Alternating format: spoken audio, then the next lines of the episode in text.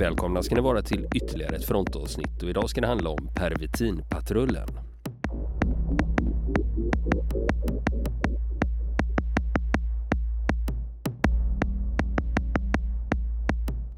Och här fortsätter vi berättelsen om pervitinpatrullen.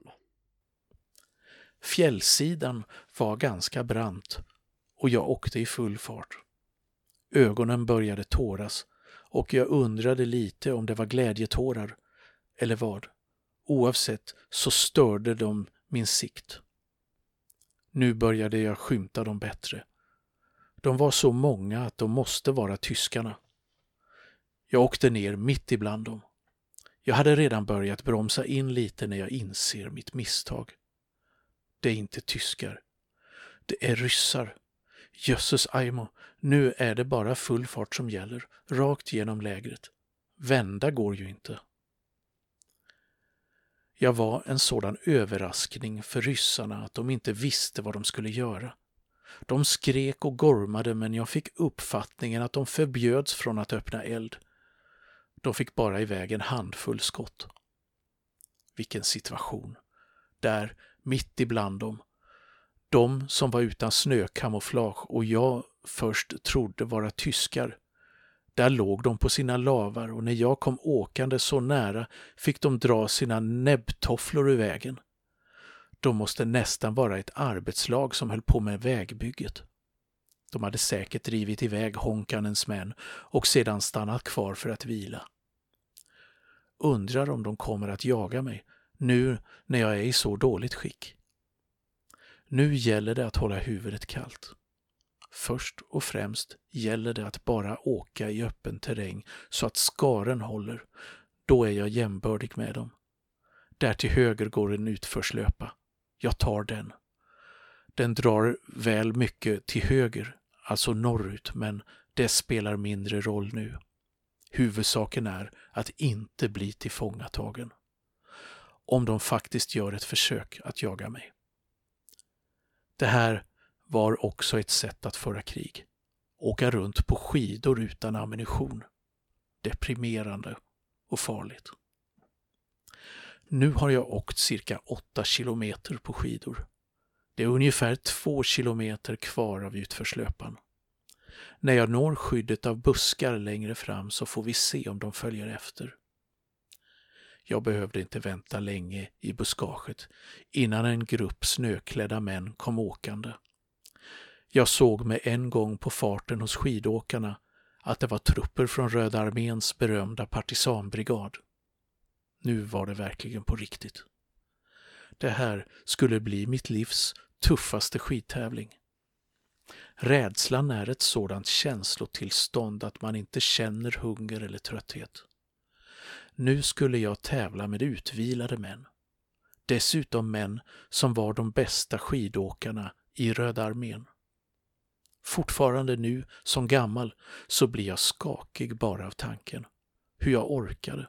För den farten vi hade måste ha varit sanslös. Men vi körde på. De tog i kapp.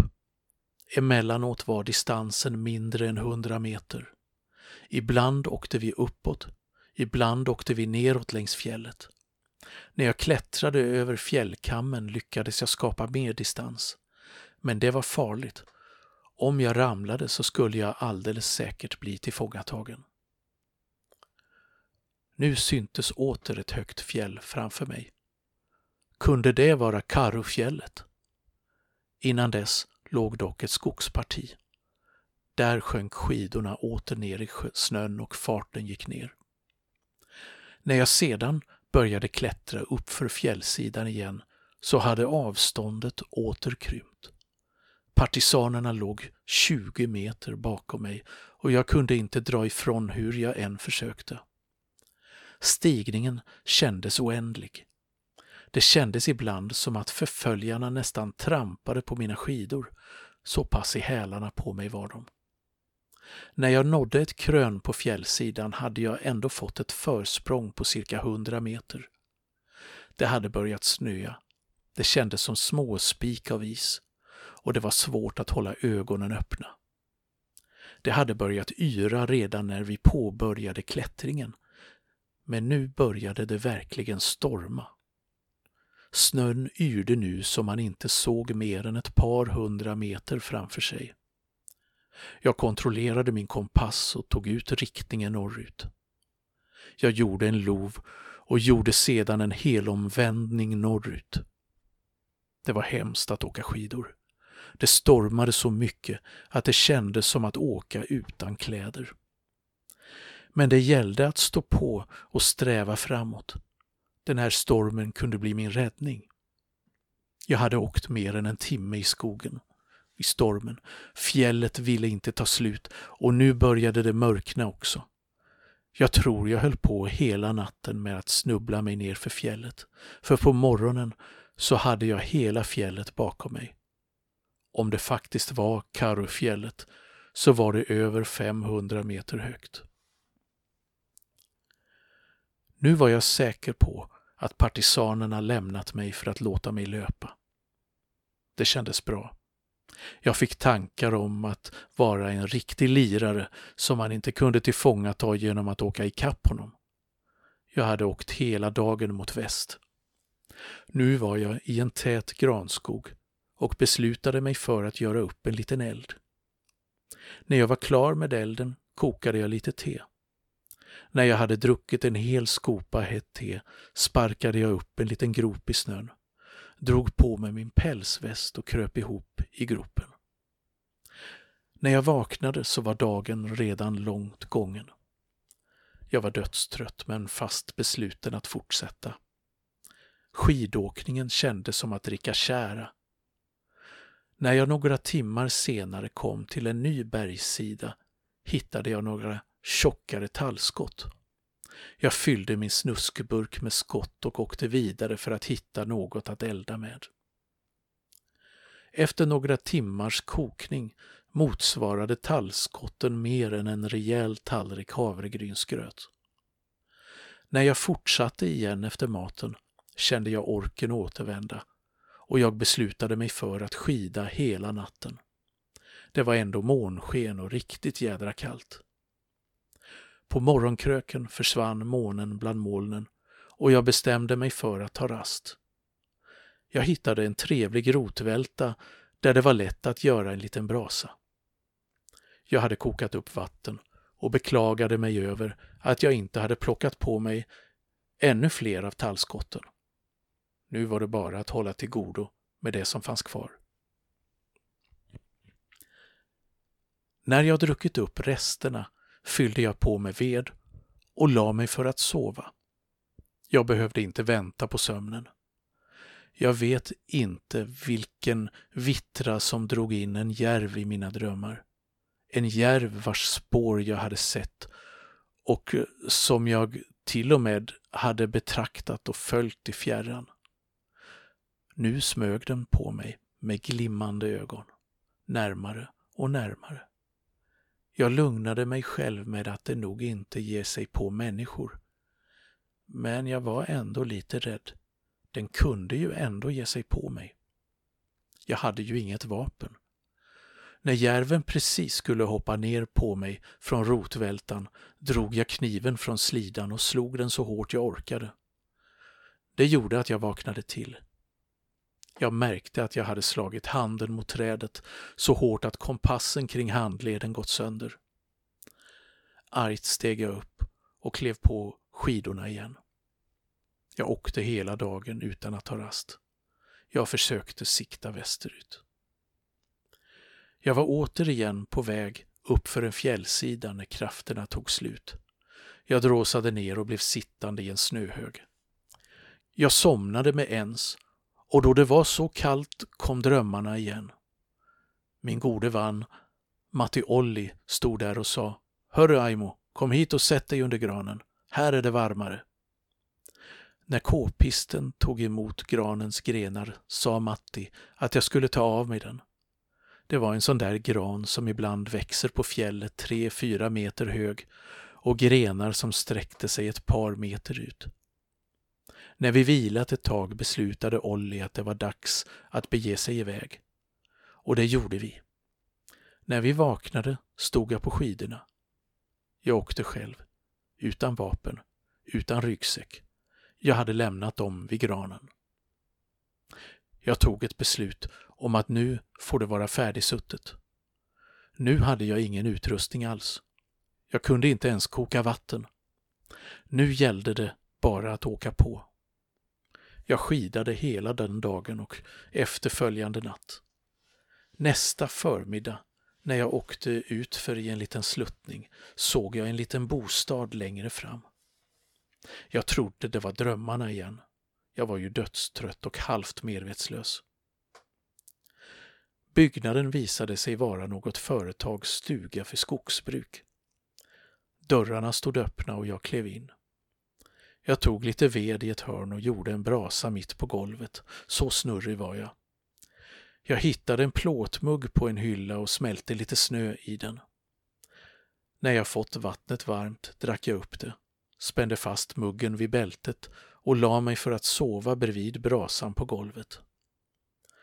Brasan på golvet växte och jag flyttade mig undan bit för bit.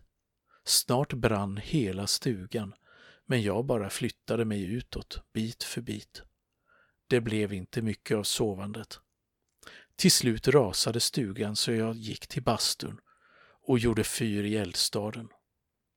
Jag fyllde på och eldade upp flera fulla omgångar.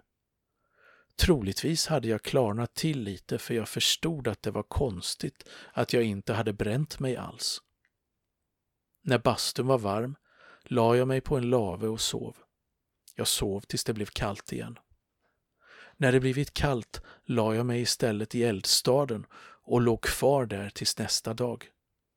Jag tror att jag sammanlagt vilade ungefär ett dygn. Därefter bar det av igen. Till en början gick skidåkandet smärtfritt.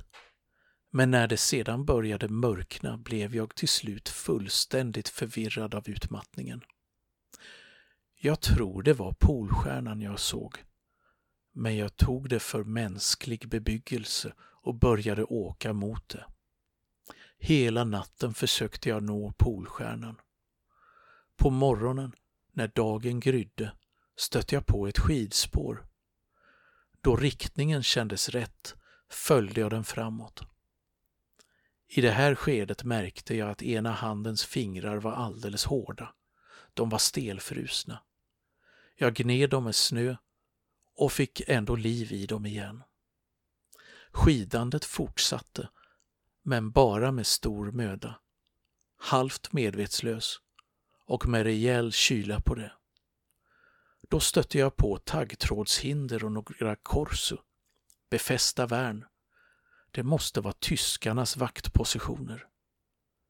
Herregud vad allt kändes bra igen. Nu var det bara en liten bit kvar. Framför mig sträckte sig en bred väg. Den var plogad och täcktes bara av fem centimeter nykommen snö. Jag försökte ropa till tyskarna, men ingen svarade. Det var bara att ta av sig skidorna och gå fram. Det var skönt att gå som omväxling. De hade något sorts stridsvagnshinder som vägbom på vägen. Sådär, upp med bommen bara, sa jag högt för mig själv. Jag hade vant mig vid att tala för mig själv. Jag hade bara tagit ett tiotal steg längs vägen då en mina sprängdes under min vänstra fot. Som tur var föll jag bort från vägen, vägen som alltså var minerad, och jag var snötäckt upp till midjan. Jag hade stött på en övergiven och minerad tysk bas. Jag började undersöka foten. Det såg ganska illa ut. Benet stod ut åt alla håll och musklerna var som rivna med rivjärn. Jag skyllde på mig själv, min egen oförsiktighet. Jag beslutade mig ändå för att krypa mot den närmsta korsen. Jag måste, då jag också höll på att frysa ihjäl i den allt strängare kylan. Korsen låg bara cirka hundra meter bort och jag vet inte hur lång tid det tog att krypa fram till dörren. Dörren var högerhängd och i min vänstra hand hade jag en skidstav. Jag slet upp dörren med höger hand. När den bara öppnat sig tio centimeter kom det en kvast av eld. En eld som var så ljus och bländande att det inte går att beskriva. Det kändes som att hela världen gick sönder. Jag vaknade upp i en djup snöhög, cirka 30 meter från korsen. Jag hade kvar staven i vänster hand och i höger hade jag handtaget till dörren.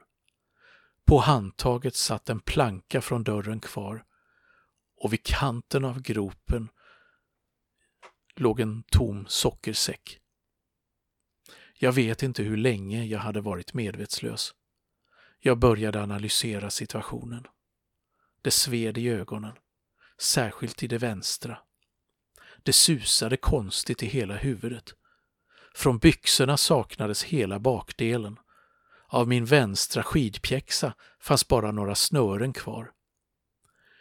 Jag tog framsidan av min undertröja och lindade kring foten. Sedan tog jag över strumpan från den andra foten. Det verkade vara slut på resan. Nu gällde det bara att göra tillvaron så uthärdlig som möjligt. Jag gjorde upp en eld mellan mina knän. Jag täljde spån från plankan från handtaget och tog lite snö från gropen jag låg i. Resten av omgivningen var alldeles svart av grus och jord. Efteråt fick jag reda på av tyskarna att laddningen som hade gått av var på 13,4 kilo. Jag smälte snö i min mugg och svor över mig själv. Hur dum får man vara? Nu hade jag inte längre någon chans. Här låg Aimo och väntade på att bli mat åt korparna. Det fanns inget hopp och den finske fjärrpatrullmannen grät. Grät så att det ekade från den närmsta fjällsidan. Men det gjorde också att det lättade. Någon slags damm inom mig brast. En damm som byggts upp inom mig. Sakta fick jag mitt vatten att koka upp. Det var gott vatten. Det godaste vatten jag någonsin smakat. En lavskrika dök upp. Han stirrade och undrade över vad som pågick. Det sägs att lavskrikan är Lapplands egen fågel. Andra hävdar att det bara är knäktens kompanjon. Det blev kallt att sitta på marken, så jag la resterna av plankan under mig. Sockersäcken drog jag över mig. Jag somnade direkt. Nu drömde jag de bästa drömmarna jag haft under hela resan. Jag fördes med flygplan till sjukhuset i Loima och där bar bekanta sjuksystrar fram mat åt mig. Jag åt och åt. Jag vaknade av att ögonen sved något fruktansvärt. Jag sov korta stunder medan ögonen fortsatte svida. Det mörknade. Under natten vaknade jag flera gånger. Varje gång trodde jag att jag skulle få mat. Det var allt mer plågsamt, för varje gång jag trodde mig få mat men vaknade sittandes kvar i snögropen. Natten var lång. Till slut började det ljusna, men det var inte mycket glädje då jag var så svag att jag inte orkade hålla ögonen öppna. Jag kunde inte längre skilja natt från dag. Jag bara drömde om hur jag blev tagen bort från denna avskyvärda grop och om hur mat bars fram mot mig. Plötsligt hördes ett skott och sedan ett till. Jag tog fram en tysk trampmina som jag hade grävt fram. Ryssen skulle inte få mig levande. Kom hit med pulkan, ropade någon. Det är ju finska, konstaterade jag. Vilka är ni? Kom och hjälp till! Vi kan inte göra något för dig, svarade pojkarna från den finska patrullen. De hade också stött på de tyska mineringarna som jag. Vår översergeant gick på en mina och vi kör bort honom först. Jag försökte förklara att jag var döende och att jag behövde hjälpen först. Vi åker tillbaka till de våra och skickar någon efter dig med en gång, svarade grabbarna och försvann med sin pulka. Allting rasade återigen.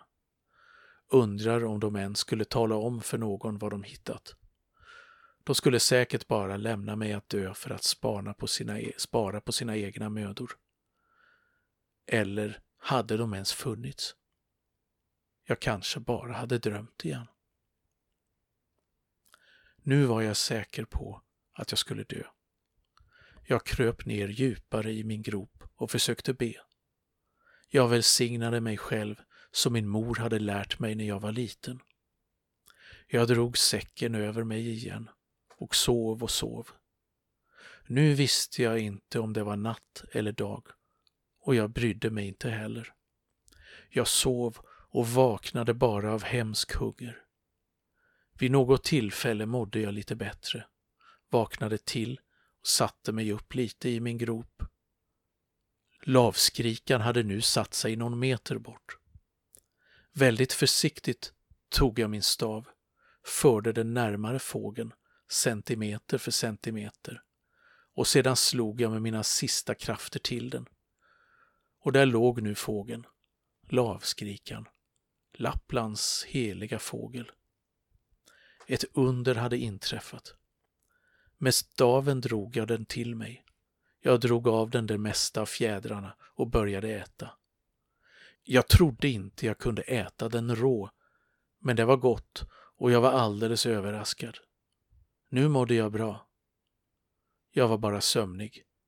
Jag var åter i drömmarnas land och jag kan än idag inte skilja på var gränsen mellan dröm och verklighet gick. Sannolikt var jag medvetslös i flera dagar. Men då, ljudet av ett flygplan. Snabbt av med sockersäcken från huvudet. Jag satte på pälsmössan på staven och försökte vifta med den. Och piloten upptäckte mig. Han vinkade med vingarna som svar. Nu kände jag igen planet som ett tyskt spaningsplan. Den började cirkulera kring min position, girade sedan och gick ner för landning. Efteråt trodde jag att major Norri beställt den då han efter många förvirrande skeenden kommit hem och upptäckt att han tappat bort mig och Hietala på vägen. Att flygplanet dök upp borde ha väckt nytt hopp inom mig. Men så blev det inte. Jag var så slut att jag inte vågade tro eller hoppas på någonting längre. Troligtvis somnade jag igen med en gång då jag dragit säcken över mig. Efter en lång stund vaknade jag igen. Nu av att ett gäng finländare gjorde en massa oväsen. Jag ropade med all min kraft till svar. Vem där? Rör dig inte, svarade de. Vi kommer till dig så snart de tyska ingenjörstrupperna har monterat ner minfälten. Du är ju mitt i ett minfält. En finsk patrull hade trots allt kommit till min hjälp. En timme senare stod de vid min grop och uppmanade mig att stå upp. Jag var inte mycket till att stå upp. Grabbarna fick lyfta upp mig och lägga min arma lekamen på en släde. Det hade en del att undra över. Hur länge har du varit i gropen? Ja, åtminstone en vecka. Ja, han är alldeles snurrig. Jag orkade inte svara mer. Efter ett tag märkte jag ändå att jag låg på en släde dragen av en häst och vi var på väg till sjukhuset. Jag förlorade åter medvetandet och minns inget mer av resan dit. Klockan två på natten hade jag kommit till fältsjukhuset i Salla. I efterhand har jag från formella dokument och från den egna eh, anamnesen sammanfattat följande sanningar. Platsen där jag låg i en grop i en snöhög ligger cirka 50 kilometer norr om Salla. Vi begav oss iväg från Kajtafjället mitt på dagen den 18 mars.